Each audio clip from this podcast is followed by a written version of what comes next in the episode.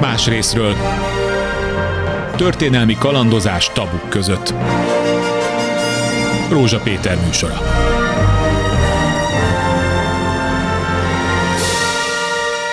Mint minden jelentősebb történelmi évfordulóval kapcsolatban, így a 48-49-es forradalom és szabadságharccal kapcsolatban is számtalan mítosz legenda kering, és nem is meglepő, hogy már a korában, a maga korában is eh, hát szányra kaptak különböző elképzelések, hogy Széchenyi meg Kossuth miért nem értett egyet. Vagy a klasszikus vita, hogy Görgei vagy Kossuth kinek volt igaza, bűnös volt-e Görgei vagy nem. Szerencsére ezek a viták mára igazából a történészek asztalán vannak, és eh, külön lehet választani az igazi mitológiát a valódi történelemtől talán, de még mindig maradnak fehér foltok, és ma arra vállalkoztunk március 15-én, hogy Herman Robert történész egyetemi tanárral, a Magyar Történelmi Társulat elnökével néhány ilyen tabut megtárgyaljuk. Jó napot kívánok, köszönöm, napot, hogy kívánok. itt van a stúdióban, és egy kiváló cikkét vettem elő, és ennek mentén tudunk menni, és ha legengedi, akkor én rögtön azzal kezdeném, hogy amiről kevesebbet tanultunk és hallottunk, hogy Széchenyi és Kossuth között valójában milyen ellen ellentétek voltak, és ezek meghatároztak-e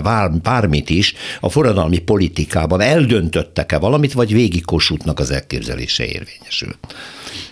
Jó napot kívánok én is. Hát ugye ez a Széchenyi Kossuth vita, ez gyakorlatilag 1841 óta tart, és szerintem egyébként nincs vége.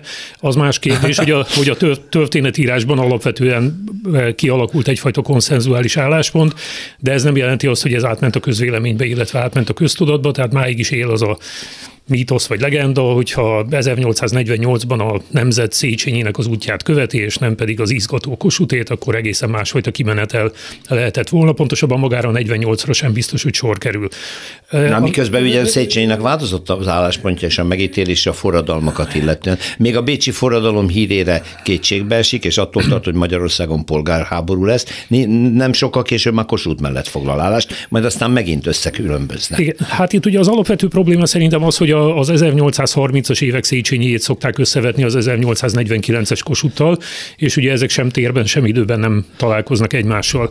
Ha ö, hatalompolitikai szempontból nézzük a dolgot, akkor ugye Széchenyi azt gondolta, hogy meg kell próbálni együttműködni a központi birodalmi kormányszervekkel, az udvarral, az uralkodóval, amennyire lehetséges, és Magyarországnak nem kell a közjogi kérdést, tehát az Ausztriához való viszonyt különösebben abajkotnia.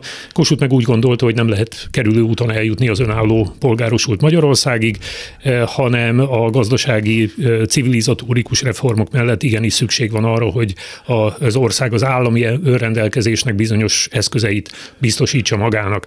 Ez nem jelenti azt, hogy ő ki akart volna szakadni a monarchiából, ezt nagyon fontos hangsúlyozni. Mármint Kossuth. Mármint Kossuth, tehát ő 1849 tavaszáig, az Olmüci oktroját alkotmányig alapvetően a birodalmon belül képzelte el Magyarországnak a, a sorsát, csak úgy gondolta, hogy újra kell osztani, vagy újra kell távgyalni a pozíciókat.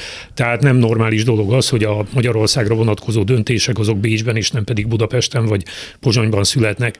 De akkor ő a monarchikus felállást elfogadta? Elfogadta természetesen, tehát szó nem volt arról, hogy ő trónfosztani akarta volna a Habsburgokat, vagy ki akarta volna kiállítani a magyar köztársaságot, vagy hasonlók. Na de akkor milyen érdekes, hogy jutunk el a transzposztás kimondásáig. Majd, hát, majd oda is eljutunk, igen. igen. Most még Széchenyire vissza.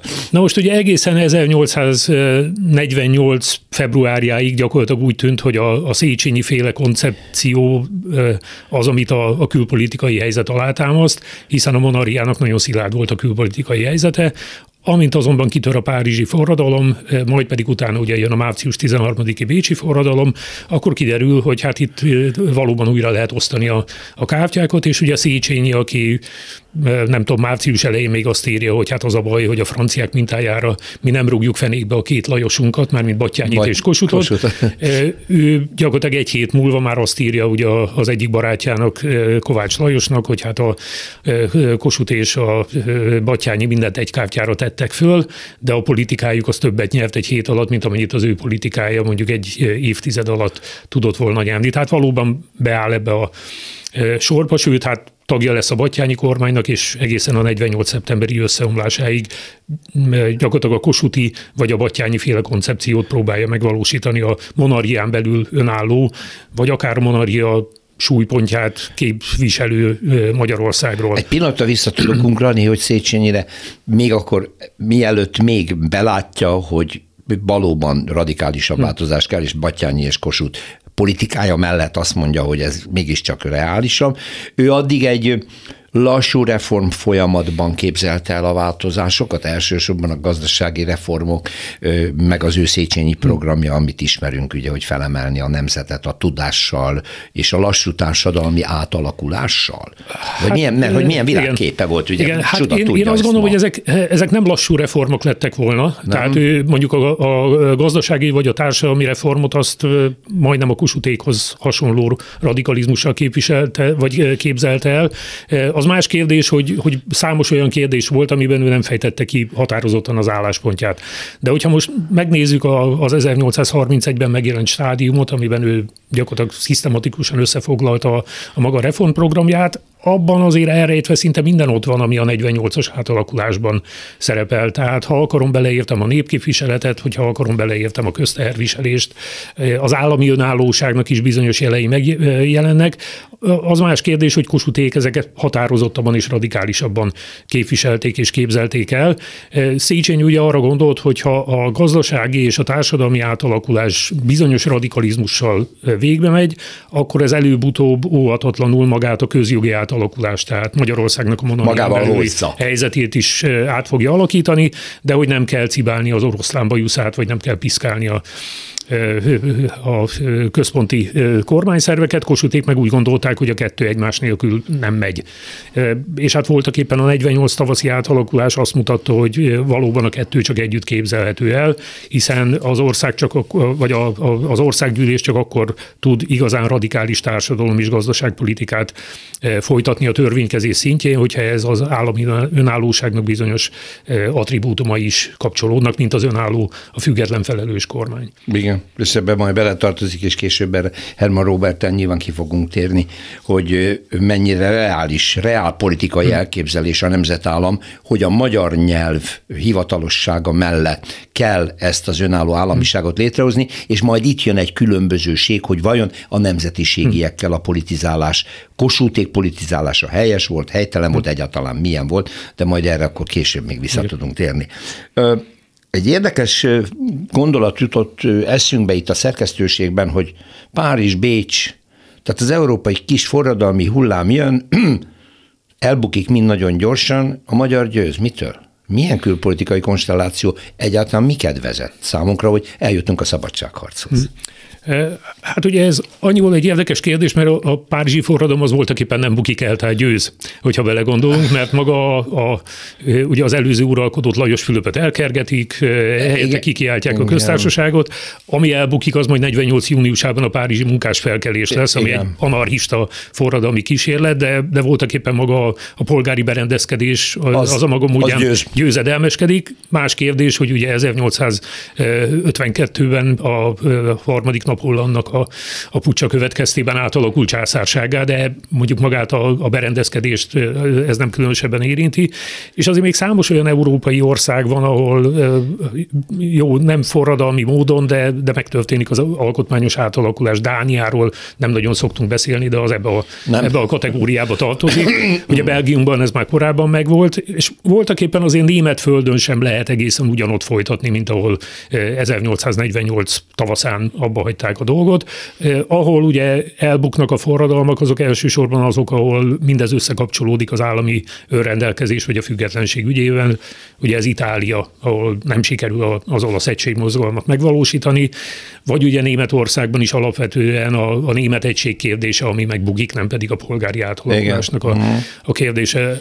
De ettől függetlenül az kétségtelen, hogy, hogy katonai szempontból a magyar volt az egyetlen, amelyik meg tudta szervezni a, a saját védelmét, sőt olyan szinten tudta megszervezni a saját védelmét, hogy hát ugye egy nagy hatalomnak a fegyveres ereje nem volt elég ahhoz, hogy leszámoljon vele, lehet, hogy elég lett volna hosszú távon, ezt nem tudjuk, de végül is Bécsben úgy ítélték meg, meg Olmützben is úgy ítélték meg a császári udvarban, hogy rövid időn belül nem fognak tudni végezni a magyar szabadságharccal, és ezért szükség van egy másik nagyhatalom beavatkozására, és hát nem aprózták el a dolgot, mert a legnagyobb európai katonai hatalmat, ugye a cári Oroszországot Sikerült bevonni eh, ebben. Hívták Na, segítségül, igen. Igen, ez is egy érdekes dolog, hogy ez hogy történik meg, mert ugye korábban még mm, ön írja, hogy mikor volt az, amikor Vatyányi biztosítékot kér a bécsi orosz követtől, hogy ugyan bevonulnak Moldávia. Moldvába és Havasalföldre. Tehát és Havasalföldre az orosz cári erők, akkor már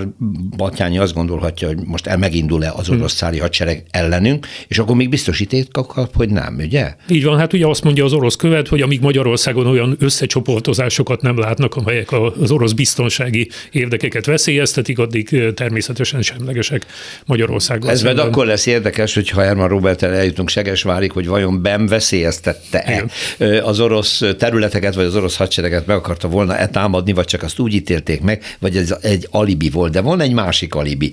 Ön azt írja, hogy a, ugye a tronfosztás hmm. maga, annak kimondása az az igazi kázus belli, vagy nem?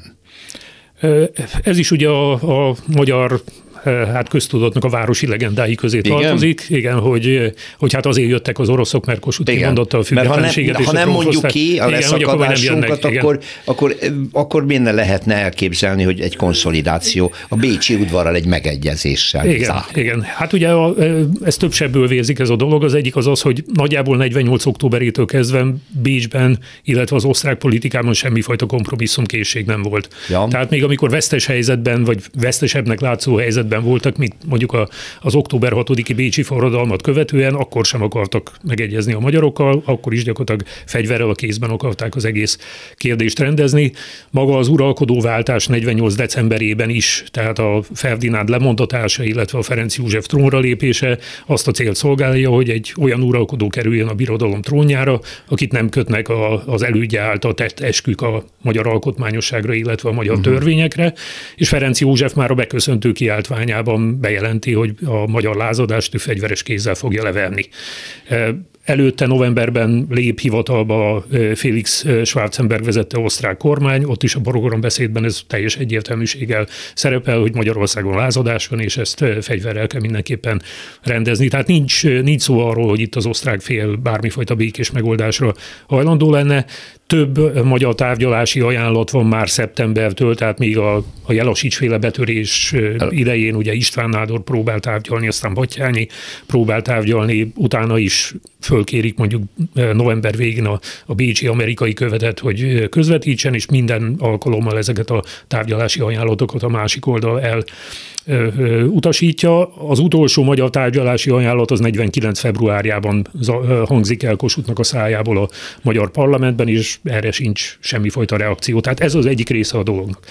A másik része az az, hogy hát ugye a, a függetlenség és a trónfosztás kimondásának a híre, ezt ma már tudjuk, hogy április 30-án ér a Magyaróvári osztrák főhadiszállásra, ugye ekkor már a tavaszi hadjárat vége van, már Komárom környékéről is elűzték az osztrákokat, és május 1-én jelenik meg a félhivatalos osztrák labban a, a Wiener Zeitungban, ami ugye ma is létezik.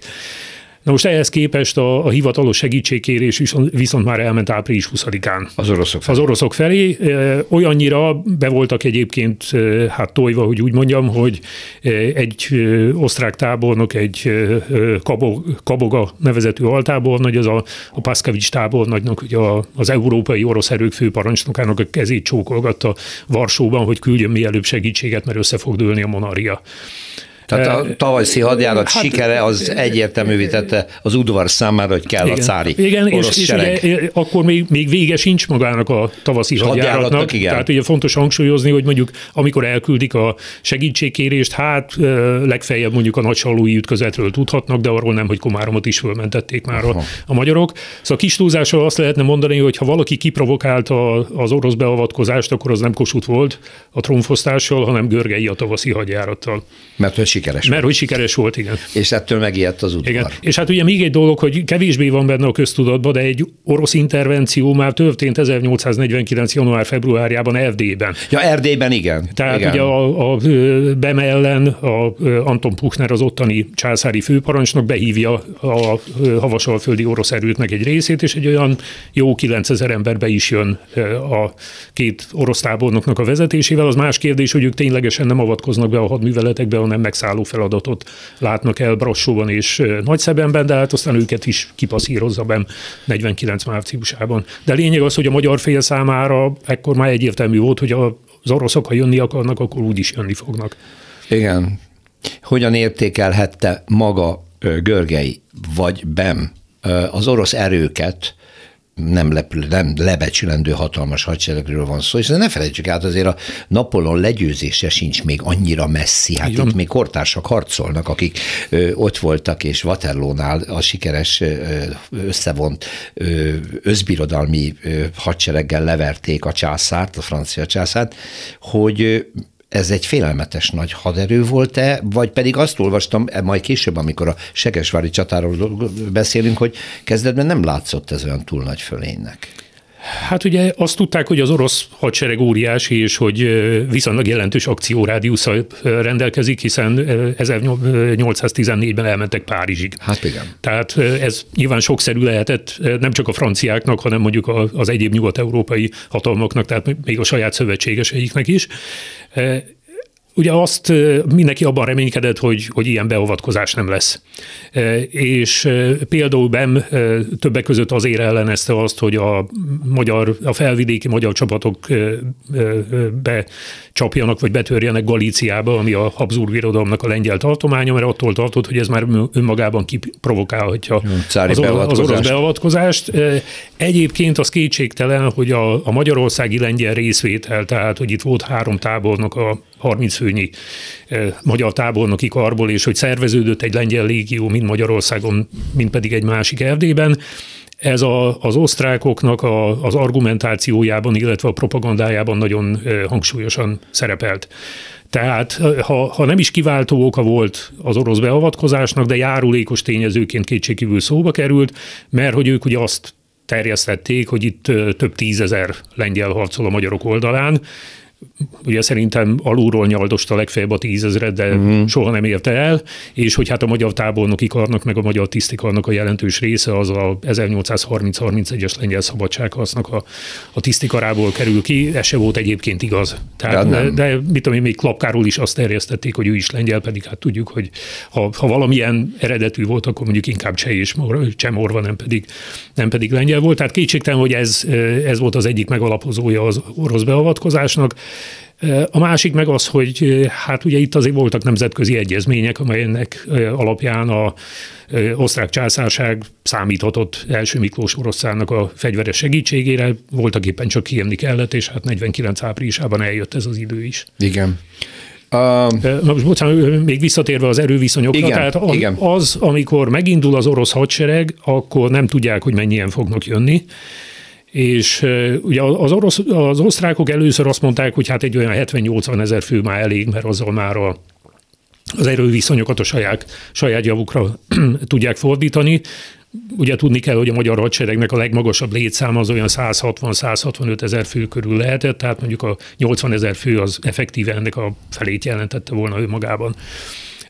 De első Miklós úgy gondolta, hogy ha ő már küld hadsereget, akkor akkor átküld, amelyik önmagában képes eldönteni mm. a háborút, mert hogy azt látta, hogy a császári királyi hadsereg elsősorban a vezetési problémák miatt, hát még egy győztes helyzetből sem tudta megnyerni a háborút, és gondolta, hogy akkor ő nem törődik azzal, hogy itt az osztrákok mit csinálnak, hogyha még az utolsó osztrák katonát is leverik és fogságba ejtik, az ő hadserege akkor is. akkor is képes lesz. És hát ugye 200 ezer embert indított Igen. útnak. Hát.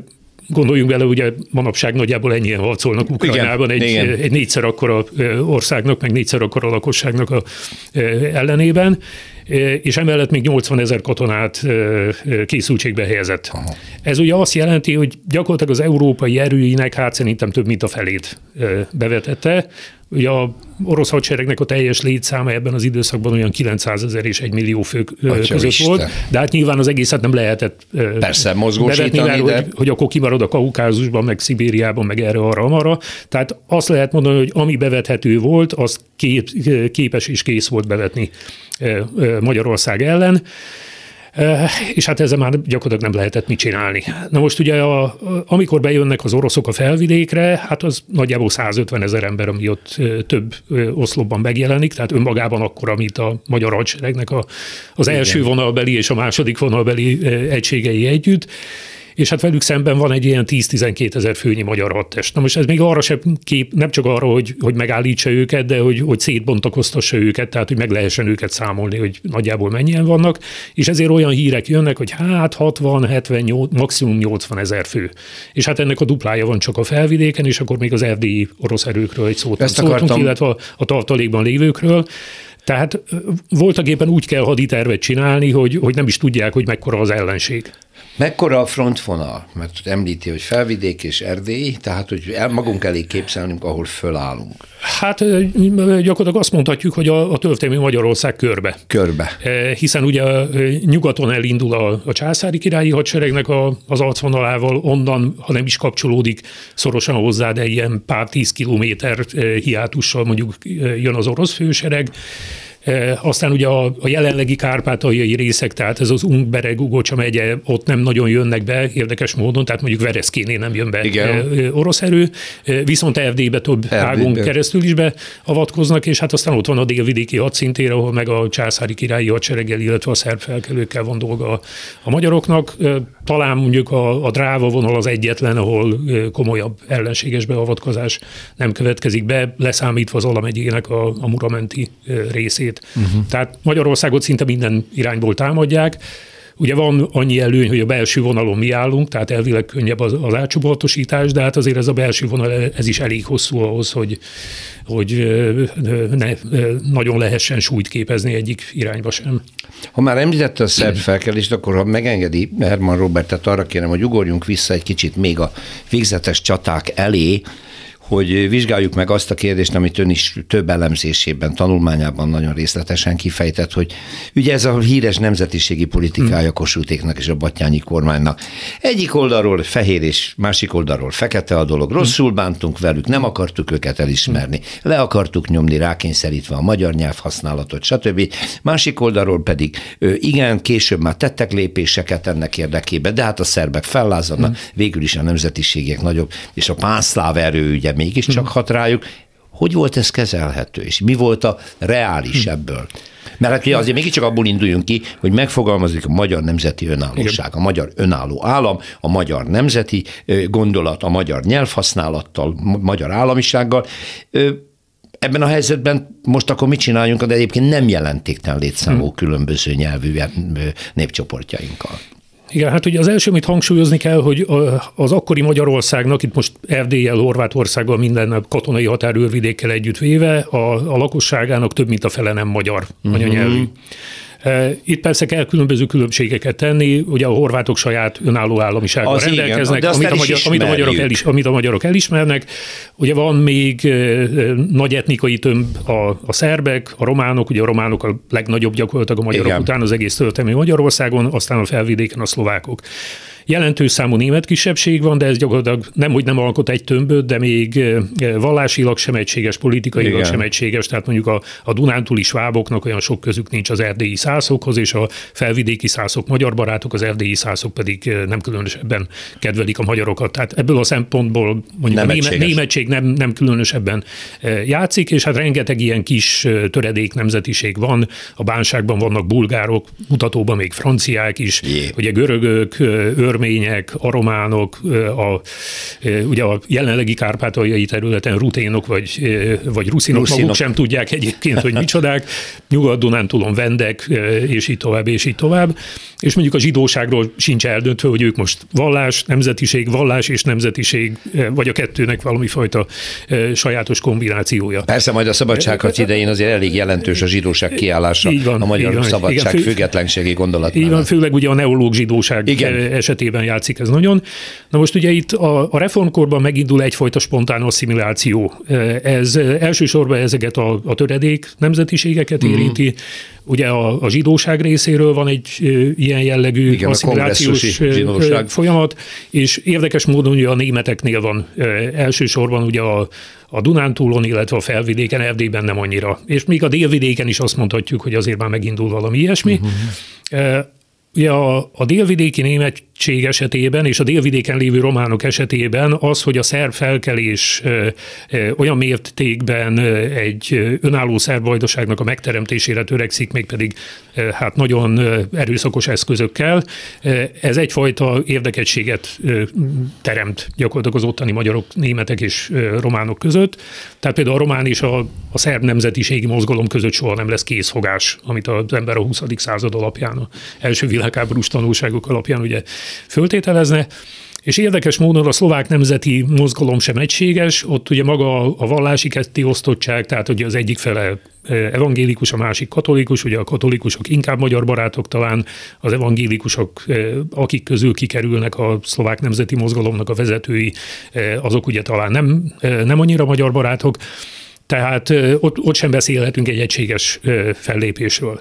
Ugye a magyar fél, amit szeretett volna, ez a magyar nemzetállam egységes államnyelvvel. Ugye ezt már 1844-ben kimondják a második törvénycikben, de azt hangsúlyozni kell, hogy az államnyelv az a, az a hivatali nyelvet jelenti. Igen. Tehát ez, ez nem jelenti azt, hogy az egyházak nyelvét át akarták volna alakítani, nem, jelent, nem jelenti azt, hogy mondjuk az alsófokú oktatásban erőltették volna a, a magyar nyelvnek a használatát, és voltak éppen még a községekben, sőt a megyei önkormányzatban is elképzelhető volt, vagy a városokban, amelyeknek egy jelentős része nem magyar nyelvű ebben az időszakban, tehát mondjuk Budán, Pesten, Pécset, Fehérváron szinte ugyanannyi német van, mint magyar, ott nem, nem lehet ilyet csinálni. Tehát, ez nem volt annyira durva hát kényszer Azért ez nem a, nem a 20. század, tehát Igen. ez nem a 1918 utáni utódállamoknak a e, politikája, még hogyha meg is próbálnak ezzel e, sok esetben párhuzamot teremteni. Na most Ugye teljesen érthető, hogy miután a magyar fél 1848 áprilisában, illetve júniusban az Erdélyi Uniónak a, a szentesítését követően visszanyerte az uralmát a kvázi teljes történelmi államterület fölött. Az más kérdés, hogy ez már akkor sem volt teljes, hiszen a horvátok már no, áprilistól nem, vagy márciustól nem, nem működtek együtt, hogy a határőrvidéken már lázadás van, és így tovább, és így tovább. Hát nem akarták ezt etnikai alapon felosztani. Uh-huh. Uh-huh. Egyébként nem nagyon van olyan állam, amelyik ezt megcsinálná. Tehát azért, hogyha történelmi párhuzamokat nézzük, akkor erre is, erre is érdemes figyelni. És hát tudomásul kell venni, ugye a, a, a, a horvátok már 49. március 25-én az Ágrábi gyűlésen határozottan kijelentik, hogy ők nem Budapesthez és nem Pozsonyhoz, Igen. hanem Bécshez akarnak igazodni. A szerbeknél gyakorlatilag már áprilisban eldől egyrészt a vajdaságnak az ügye, tehát hogy ők ki akarnak szakítani egy területet Magyarországról, ahol egyébként a, a törvényhatóságok egy részében még relatív többséget sem alkotnak, tehát olyan megyéket követelnek, amelyekben mondjuk több román, vagy több magyar, vagy több német van, mint szerb. És hát a románok azok pedig ugye Erdélyt szeretnék, hogyha egy ilyen román fejedelemség lenne, nem, nem önálló román fejedelemség, hanem amit közvetlenül Bécsből kormányoznak. És ezekkel az igényekkel nagyon nehéz volt párbeszédet folytatni. Én nem azt mondom, hogy ezek elítélendő igények, mert természetes, hogyha magyaroknak jár úgymond a nemzetállam vagy a nemzeti önrendelkezés, akkor jogosnak tekinthetjük azt az igényt, hogy a többiek is ezt megfogalmazzák. Igen, csak... hát mégiscsak a magyarok voltak birtokon belül, ezt az országot mégiscsak Magyar Királyságnak vagy Magyarországnak hívták, és hát nagyon, nagyon nehéz volt alkudozni ebben a tekintetben. A magyar fél azt mondta, hogy egyéni szabadságjogok. Igen, testületi jogokat azért nem lehet adni, mert a testületi jogok azok föltételeznek valami fajta történeti előzményt. A horvátoknál ez megvan, ott van önálló államiság, de soha nem volt Magyarországon önálló szerb államiság, önálló román államiság és önálló szlovák, államiság. Tehát a kerül, és, és hát ugye a másik az, hogy, hogy ezek nem is, nem is tisztán etnikai területek, hanem ugye a délvidéken az egyik falu szerb, a másik magyar, a harmadik román, a negyedik német, a felvidéken jó, ott van egy nyelvhatár, de hát ott is azért van egy meglehetősen vaskos olyan rész, ahol vegyesen vannak magyarok és szlovákok, és hát ugyanez a helyzet Erdélyben, hogy persze a Székelyföld etnikailag viszonylag tiszta, mondjuk a érthetségben szinte csak románok vannak, de azért itt ott vannak bányavárosok, egyebek, magyar és német lakossággal, tehát nem, nem lehet etnikai alapon területileg átszervezni Magyarországot, hanem ki kell találni valami, valami másfajta a módszert. De és akkor, bocsánat, hogy megszakítom, Herman Robert inkluzíve ebben azt is mondja, hogy az itt élő, a magyar királyság területén élő nemzetiségekben dúl valamiféle, valamiféle radikalizmus, hogy a magyar nemzetállami kezdeményezéssel abstart azonnal szembe megyünk. Tehát ott is egy egy olyan fellépés érződik, hát Damianicsnak a szerepe ugye ebben, aki Igen. ugye szerb, de hát a legnagyobb magyarok mm. közé vallja magát ő is, és, és hát szinte megfenyegeti a Bácskában a szerbeket, mikor ki kell vonulnia, hogy visszajövök és véresen mm. mindent. Ami nem igaz egyébként. Hát persze, igen, ez is hozzátartozik a, a városi legendákhoz, de azért radikális igen, szerepe igen, persze, volt, persze. ugye? Tehát, hogy mit lehet tenni, hogyha a mm. nemzetiségekben nyilván történelmi okokból olyan mértékig mm. az ellenállás fel mm. ö, ö, lobban, ami majd hát az első világháború drámájában is nagyon sajnos beleszól. Hmm. Mit Most lehet ugye, ezzel kezdeni? Hát, hát ugye meg kell próbálni tárgyalni. Most ugye nagyon érdekes, hogy a a szerb nemzeti mozgalomnak az első ilyen, hát ha úgy tetszik, a garas letétele az az, az amikor 48 áprilisában elmennek a pozsonyi országgyűlésre, és ott többek között Kossuthtal is tárgyalnak állítólag. Ugye, hogy Aha. ez megtörtént, vagy nem Azt történt, nem ezt, ezt nem, nem feltétlenül tudjuk. Az kétségtelen, hogy az országgyűlés plénum előtt fogadják őket. Ugye ott elmondják, hogy élni, halni akarnak Magyarországért, de hát kérik a nemzetként való elismertetésüket, és Kossuth erre határozottan közli, hogy mindent megadnak, ami a törvények határain belül megadhat, mondható, de Magyarországon csak egy nemzet van a magyar. Aha. Ezt hangsúlyozni kell, ez nem etnikai nemzetet jelent. Tehát Hanem ez politikai? Nem olyan, ez politikai nemzet, tehát ez nem, nem, nem olyan, mint amikor mondjuk Romániában manapság kijelentik, hogy a, a székelyek azok magyarul beszélő románok, Eh, vagy a magyarok is eh, magyarul beszélő románok és egyebek, hanem eh, persze magánkörében mindenki olyan nyelven beszél, olyan nyelven imádja az Istent, és olyan nyelven neveli a gyerekét, ahogy akarja, de hát kell lenni egy központi összetartó erőnek, és miután a legnagyobb nemzeti tömböt mégiscsak a magyarok alkotják, még ha nem is ők vannak többségben mindenütt, által, mindenütt hát ebből kifolyólag ugye az a logikus, hogy, hogy az ő nyelvük legyen az államnak a nyelve. Notabene megjegyzem, hogy Európában sem nagyon van másra példa. Ezt akartam kérdezni, Tehát, hogy, hogy, hogy Svájc az egyetlen kivétel, de az, az egy nagyon speciális helyzet a maga kantonális rendszerével, de hát mit látunk, ugye? Hát a nagy, franciáknál. Nagy, hát a franciáknál csak franciául lehet, Nagy-Britanniában ugye az ír kérdés az kitart a 20. századig, sőt, sőt még, most, még sincs, most sincs, most sincs egészen vége a dolognak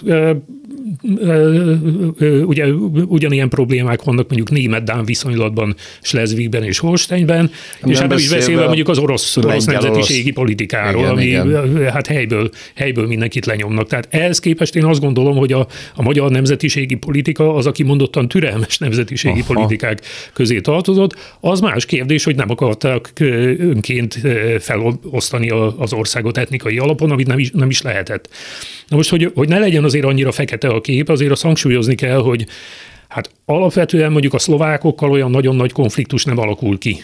Tehát érdekes módon a magyar honvédsereg oldalán jóval több szlovák harcol, mint amennyit a túloldalon az úgynevezett szlovák légióba egyáltalán sikerül összeszedni. Aha. Ugye a, a magyarországi románság, tehát a királyhágón inneni Igen. románság, az alapvetően mindvégig kitart a magyar ügy mellett. Ott vannak a képviselői a Magyarország gyűlésben, a legnagyobb nemzetiségi csoportot ők alkotják, elmennek egészen Aradig. Tehát uh-huh. egy részük ugye világosnál, pontosabban szőlősnél kerül kézbe, és hát többségüket el is ítélik egyébként a, a császári királyi hatóságok. Tehát ahol nagyon jelentős nemzetiségi konfliktus van az Erdély, illetve Szerbia. a délvidéken a szerb, de ugye a szerbeknél hangsúlyozni kell, hogy ott azért már bekavar a határon túl lévő félfüggetlen Szerbia, amelyik önkénteseket, katonaságot küld, tehát itt van egy ellenséges invázió, akár úgy is nézzük, egy, egy ilyen proxy háború, ahogy ezt uh-huh. manapság mondani szokás. Erdélyben pedig az alapvető problémát az okozza, hogy a, a nemzetiségi kérdés az egyben szociális kérdés, mert hogy az erdélyi románságnak a többsége az jobbágyi állapotú, a nemességnek a 90 vagy 100 százalék az meg magyar, mert még az a román nemes is, aki hogy is mondjam, egy szót nem tud magyarul, az is azt mondja magára, hogy ő egy magyar nemes. Igen, de ez már egy politikai de, azonosulás igen, a nemzettel, van, ugye, és van. nem etnikai. Igen, igen tehát, és, és ott még vannak egyéb problémák, ugye, hogy, hogy nem lehet ugyanúgy megcsinálni a jobbágy felszabadítást, mint Magyarországon, mert nem volt urbérendezés, tehát nem lehet jól elválasztani egymástól a jobbágy kezelésében lévő földet a földes úritól, és eleve kevesebb a föld. Aha. Tehát ugye képzeljük el, hogy, hogy ugye van egy nemzetiségi szintű elnyomottságérzés, van egy társadalmi szintű, és hogyha mindez egy etnikai többséggel párosul, akkor ebből micsoda robbanás keletkezhet, és hát ez valóban be is következik. És ugye a harmadik az a horvát-magyar kérdés, de az igazából egy államjogi konfliktus. Az igen.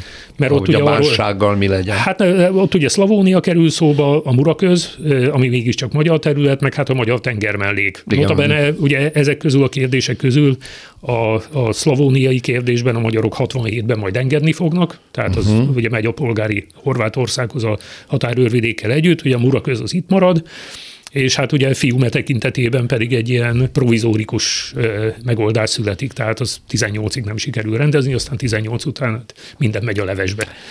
Szóval ez egy rendkívül bonyolult kép, de Herman Robert elég jól megvilágította, hogy ezzel is kellett küzdeni a fiatal nemzetállamért küzdő magyar vezetésnek.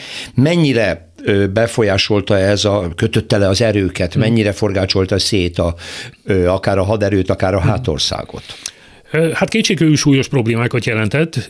Ugye főleg 1848 nyarán, amikor a, a délvidéki szerb felkelés miatt hát ugye a rendelkezésre álló fegyveres erőnek Először szinte az egészét, aztán utána nagyjából ugye a kétharmadát felét arra a hadszintére kellett vezényelni, és a szabadsághoz végig egyébként ez egy komoly problémát. Az akkor Komoly problémát jelentett. Az más kérdés, hogy ugye ez a mi lett volna, ha ezt a, szokták mondani, hogy a történész nem teszi fel a kérdést, holott ez az egyetlen igazán tört, érdekes történeti kérdés, és hát folyamatosan játszunk azért ezzel, tehát esélyek Hogyne. és egyebek. Ugye maga, Keressük, maga, hogy hol csúszott maga, el, maga a személyes felelősségnek a, a feszegetése történeti kérdésekben, az mind ilyen mi lett volna, hogy dönthetette volna másképp. Na most ugye e, ettől függetlenül azt gondolom, hogy nem, ezen, e, nem emiatt szenvedett vereséget a szabadsághoz. Tehát, hogyha most ezt a 200 ezer oroszt oda vesszük, hát akkor, az el, akkor a, a, a délvidéki szerberők és mondjuk az erdélyi e, román felkelőknek az erői, hogyha ezek nem mínuszba lettek volna, hanem pluszba, még akkor sem érik el a, az inváziós erőknek az összlétszámát. Igen. Tehát nem, nem ezen múlt a dolog, az más kérdés, hogy kétségkívül tanulságos volt, hogy a, az ország egy ország lakosságának egy jelentős része ellenére nem lehet nemzetállamot teremteni, és végül is a magyar fél levont ebből következtetéseket. Tehát a, a 49. július 28-i szegedi nemzetiségi törvény az ugyan a területi autonómiát továbbra sem volt hajlandó megadni, de mondjuk a községi vagy a megyei önkormányzatokban a nemzetiségi nyelvek használata. Nyelvhasználatot, igen. igen. Tehát azért ezek komoly, most manapság némelyik utódállamban nagyon örülnénk ennek, hogyha ez, hogyha ez megvalósul. Na most lenne. ne is aktualizáljuk, hogy és akkor, Ukrajnával igen, mi a helyzet, igen, ugye igen. ez a vitánk, ami végül is nagyon kritikussá vált, pláne most a háború miatt, de Hát akkor nézzük a tabukat tovább, vagy a városi legendákat. Ugye hát a klasszikus ez a Görgei szerepének megítélésről, Vörös Marti elítélő versoraival évtizedekre, egy évszázadra Görgeit bele döngölték a bűnös szerepébe. Mitől és mennyire volt ez reális, mi volt ennek mhm. az alapja, és aztán kicsit majd Kossuthra még térjünk hmm. vissza, hogy hogy húzza ki magát a vereség után ebből az egészből. Igen, hát ugye a, a, az árulási várnál, amit Görgeivel szemben megfogalmaznak, ott fontos hangsúlyozni, hogy ennek két ága volt.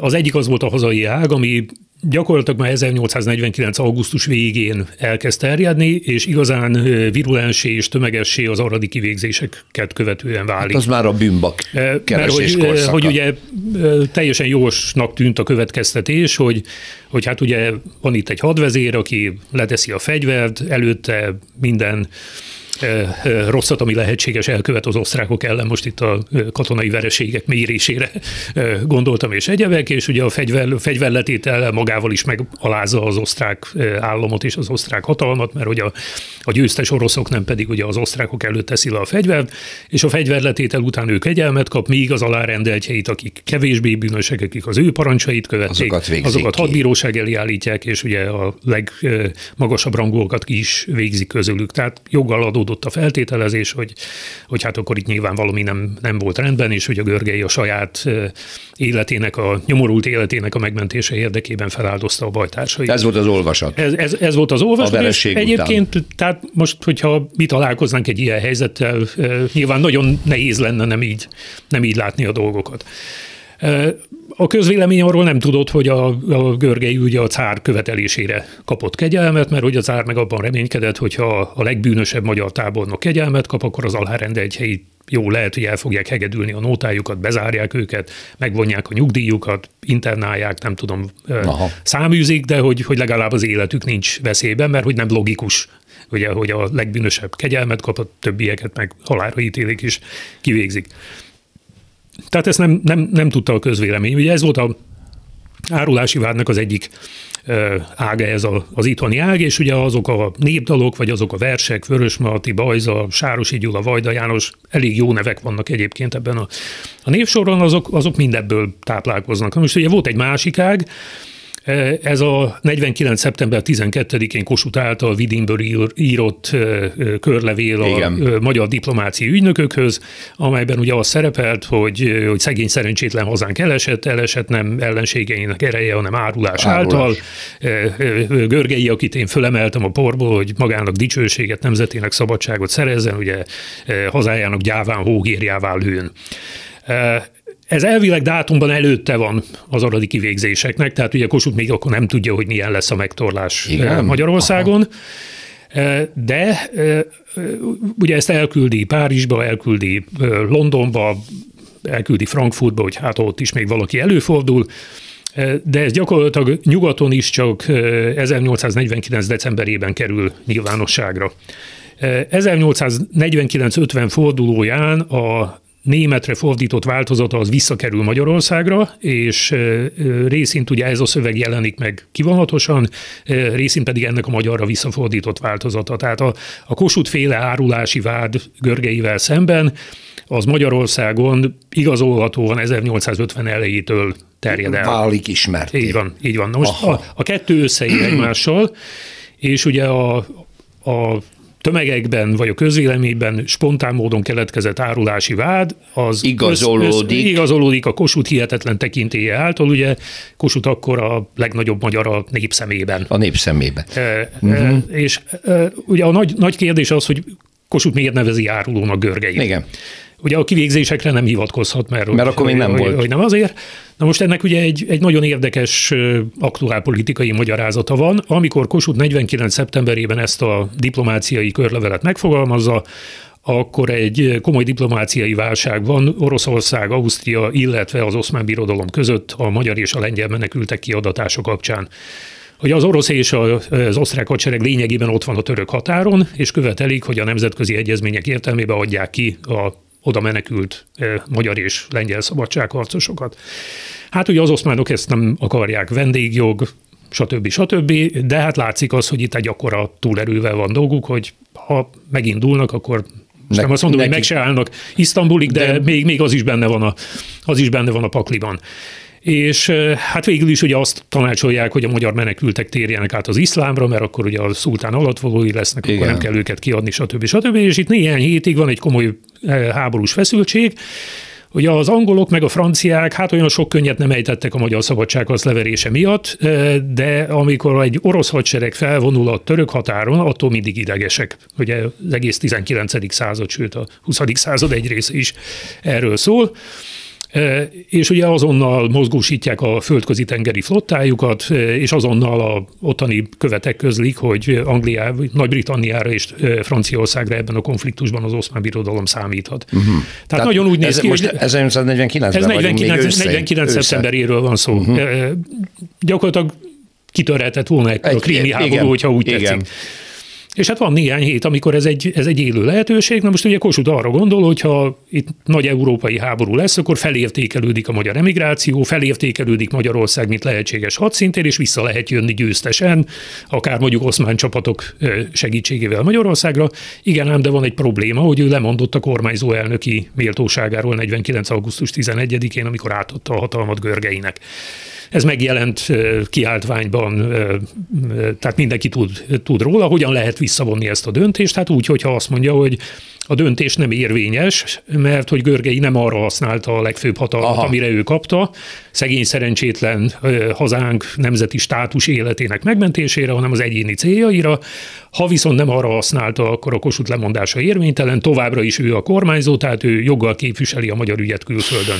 Gyakorlatilag egy ilyen kombinációról. Ó, ez egy szofisztikált igen, igen. dolog nagyon. Na most ugye, viszont amikor a Kossuth körlevele eljut nyugatra, addigra már vége van ennek a diplomáciai adókapoknak, ugye az, először az osztrákok, aztán az oroszok fújnak visszavonulót, megállapodnak abban, hogy a legveszélyesebb magyar emigránssokat Meg internál, nem, nem internálják őket Kis-Ázsiába, ugye Kütahiába.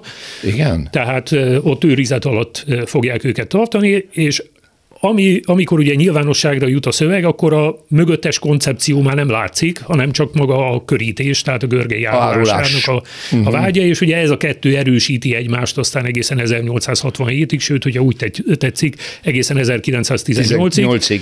Mert hogy a, a elsődleges levéltári anyagokhoz, tehát ami mondjuk a görgei becsületét tisztázhatná, addig nem lehet hozzájutni, amíg a monarchia egybe van, ezeket hétpecsét alatt őrzik Bécsben. Ez egy kosuti önfelmentés is volt, ez a védini levél?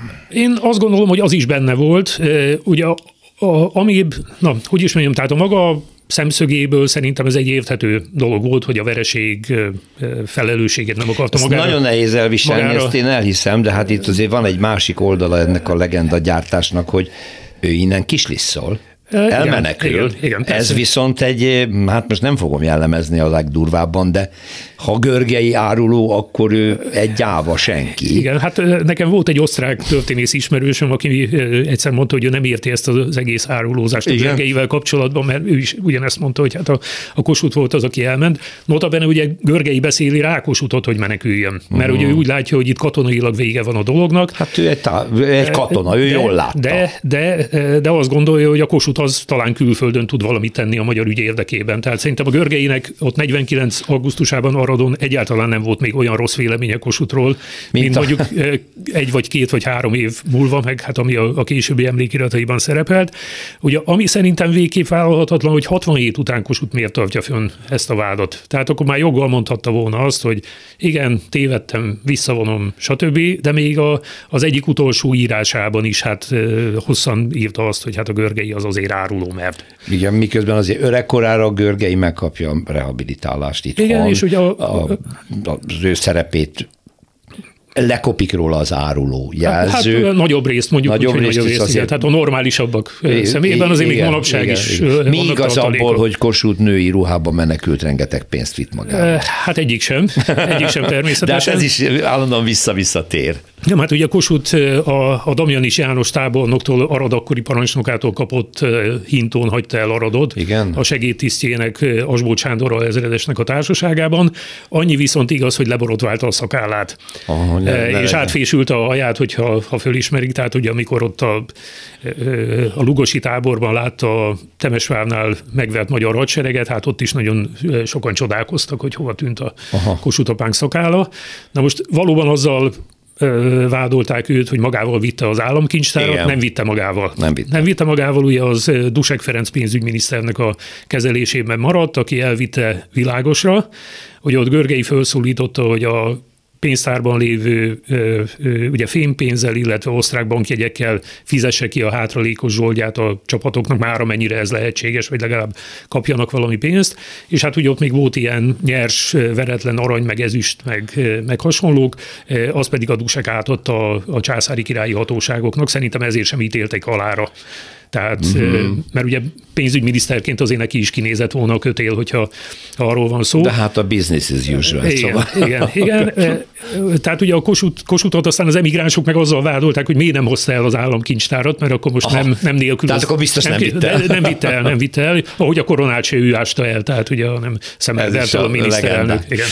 Herman Rover történészem nagyon rohan az idő, de hát az a hátralévő néhány percben nem lehet nem beszélni a Petőfi legendáról. Petőfi halálának eltűnésének legendáiról. Ön elég pontosan leírja, és ez nyilvánvaló történelmek hiteles, hogy bizonyos terület, településen még látják a menekülő, Igen. gyalog menekülő, hát mindenképpen a harctérről távolodó Petőfi valahol még feltűnik majd egyszer csak eltűnik, ami ebben a forgatagban nyilván igazolhatatlan, hogy mi történt vele. Így van. Tehát egészen pontosan soha nem fogjuk szerintem meg. Soha nem fogjuk Ugye ez a, ott halt meg, ez, ott a, ez a missing in action, ahogy a, a, az angol mondaná.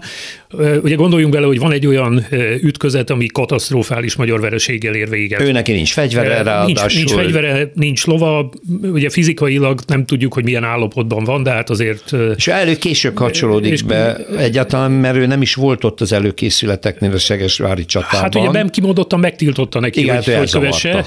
Ez egyébként igaz? Ez igaz, ez, ez igaz. Hát ez, ez, ez, teljes egészében.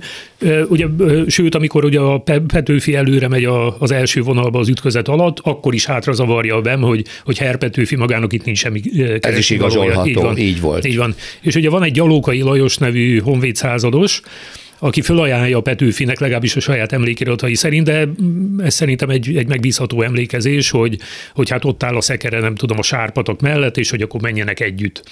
És a Petőfi azt mondja, hogy á, hogy a kocsisod már úgyis elszaladt, meg lehet, hogy a lovaidat is ellopták, hogy inkább gyalog menekülök. Na most egy gyalogai megúszta, szegény Petőfi meg nem, nem úszta meg. És az a gyalogai a saját emlékirataival leírta, az biztos Petőfi lehetett, mert hát nyilván ő, ő személyesen ismerte, ő tehát ismerte. a téli hadjárat időszakában is találkozott vele, meg a nyári hadjáratban is, és a, a egyébként nem süketel, tehát ami, Igen, ez, ugye vannak, vannak olyan visszaemlékezések, amelyekről helyből üvölt, hogy nem mond igazat a szerző, de a, a gyalókainál alapvetően minden rendben van.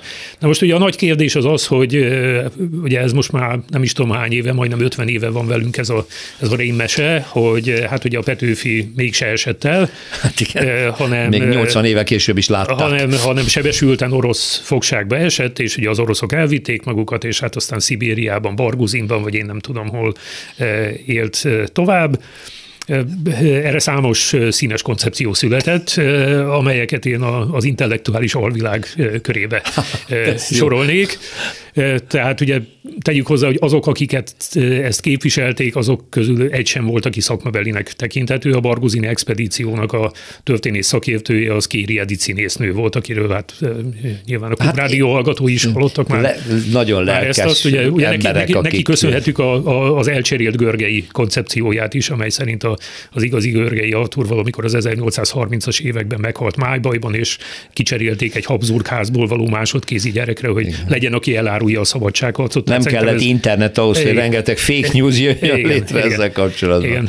Na most ugye a, az alapvető kérdés, hogy mi volt az egyezményekben, tehát ugye, hogy az osztrák és orosz fél hogyan intézkedett a hadifoglyoknak a, a sorsáról, illetve hogy ezeket az egyezményeket mennyire tartották be, mert tudjuk, hogy minden egyezmény annyit ér, mint amennyit betartanak belőle. 49. június 10-én Varsóban kötik meg a végleges egyezményt, ebben van egy pont a hadifoglyokról, amely szerint mindegyik fél kiadja a másiknak az illetőnek a, a alatvalóit. Aha. Ez ugye azt jelenti, hogy a cár elviheti magával mondjuk azokat a lengyeleket, akik orosz Lengyelországból szöktek át Magyarországra, hogy a lengyel légióban harcoljanak, és a mindenki más az pedig gyakorlatilag az osztrák császár fennhatósága alá tartozik. Tehát ugye Petőfi nem volt lengyel, kétségkívül osztrák alatvalónak minősül. Minősül. Nemzetközi, Tehát visszaadták nemzetközi volna, ha élve elfogják. Így van. De ugye tudjuk, hogy elvileg megeshet, hogy azt mondják, hogy azért elviszük őket, mert Szibéria nagy, üres, úgyse veszik észre, stb. stb. És valóban visznek ki Erdélyből, vagy 3000 hadifoglyot az osztrák, vagy az oroszok, de ezek havasal földre kerülnek, ami ugye az oszmán birodalom része, csak éppen orosz megszállás alatt van, de azért viszik őket, hogy Moldván és Bukovinán keresztül, keresztül. eljutassák őket Galíciába, hogy ott pedig beosszák őket különböző osztrák ezredekbe. Aha. Az más kérdés, hogy aztán visszafordítják ezt a fogolyszállítmányt, tehát a Vörös Torony szoroson keresztül vissza is hozzák őket, mert úgy közben vége van a háborúnak Erdélyben. Uh-huh. Tehát ez a 3000 Ez a 3000, igen, igen. Tehát mondom, ki, ki nem visznek ténylegesen tudomásunk szerint magyar hadifoglyot. Nota bene a fogjulejtettek között ott volt egy Bauer Lajos nevű őrnagy, aki nagyon jól ismerte Petőfit a téli hadjáratból személyesen. Ő később megszökött, és nem találkozott a foglyok között Petőfivel. Petőfivel. Tehát mm. ez szerintem egy nagyon erős érv. Volt egy másik is, egy viszonylag fiatal tiszt, akinek most nem jut eszembe a a neve neki is megvan az emlékirata, ő se találkozott egyébként a Petőfivel. És ugye van, van, van két ellenpróba szerintem. Az egyik az az, hogy volt egy, egy Sidlovski nevezetű lengyel honvéd százados, aki a császári királyi hadseregből került át az erdélyi hadseregbe. Őt Brassónál fogságba ejtik az oroszok, és hát ugye a Sidlovski, mint ugye volt császári királyi tiszt, tudja, hogy ő, ha átadják az osztrákoknak, akkor hadbíróság elé kerül. És ezért azt mondja az oroszoknak, hogy hát ő nagyon örül, hogy a orosz fogságba került, mert ő voltak éppen első Miklós orosz szár alatt valója, mert én nem tudom, hol született orosz Lengyelországban. Hát a muszkák nagyon megörülnek neki, el is viszik magukkal egészen Kijevig. És Kijevnél meg a Sidlovszkinak már leesik, hogy hát nem valószínű, hogy kertes házat kapna mondjuk valahol Kijev külvárosában, hanem büntetőszázad, Szibéria deportálás, stb. És akkor hirtelen a homlokára csap, és azt mondja, hogy hát elnézést, őt félreértették, mert ugye ő első Ferenc József valója és Galíciában született. Na most az oroszok megtehetnék, hogy elviszik Szibériába, vagy pofán verik, nem tudom, hogy ezért mit hazudozik össze-vissza, ugye 1945 után nyilván valami, valami ilyesmi történt volna, de nem ezt teszik, hanem hát elkezdik fokargatni a fejüket, és írnak a Bécsi hadilevéltárnak, hogy, hogy vegyék már elő a személyi anyagát, hogy akkor ez kicsoda. Hogy akkor ez kicsoda, és kinek az alatvalója. És hát ugye rend van. Bécsben előveszik a kartonját, és megírják, hogy hát valóban Galíciában született, és valóban ő felsége első Ferenc József alatvalója. Az oroszok nagy szentségelés közepette visszaküldik, 49 decemberében azt meg is érkezik, utána be is zárják néhány évre, mert hogy mi ezt tartás véget. De lényeg az, hogy ugye lengyel volt, akiket nagyon utálta első Miklós, hazudott, a kutya nem kereste volna, és ennek ellenére visszaadták. Megtette. Tehát akkor miért vitték volna el e, Petőfit. éppen szegény nyomorult Petőfit már elnézést Akiről kifejezésért. nyilván senki nem tudta, hogy kicsoda Notabene még, még olyan eset is volt, hogy egy olyan lengyel nemest, aki a cámnak a segédtisztje volt, és részt vett a 30-31-es lengyel szabadságharcban, utána osztrák területre menekült, azt, amikor ugye vonulnak Magyarország ellen, akkor Krakóban elfogják az oroszok, uh-huh. és elviszik magukkal. És ugye azért csak kaptak 200 ezer embert Gebinbe vagy kölcsönbe a magyarországi hadjáratra, és az osztrák diplomácia addig veri az asztalt, amíg az oroszok visszaadják. Visszaadják őt is. Tehát ilyen, ilyen szinten vigyáztak arra, hogy nehogy a, a szuverenitás bármilyen módon sérüljön. Maradnak a legendák biztosan, de a történészek mindig megteszik a dolgukat. Hát nagyon szépen köszönöm ezt a történelmi kalandot Herman Robert történésznek, egyetemi tanának a Magyar Történelmi Társulat elnökének. Várjuk a legközelebbi mitosz romboló beszélgetésre, még hogyha van ha kedve. Bármikor öröm. Nagyon szépen köszönöm szerkesztőm Herskovics Eszter nevében is az önök figyelmét. Egyébként csütörtökön a Másrészről című műsorban ismét találkozunk. Másrésztről. Történelmi kalandozás tabuk között. Rózsa Péter műsorát hallották.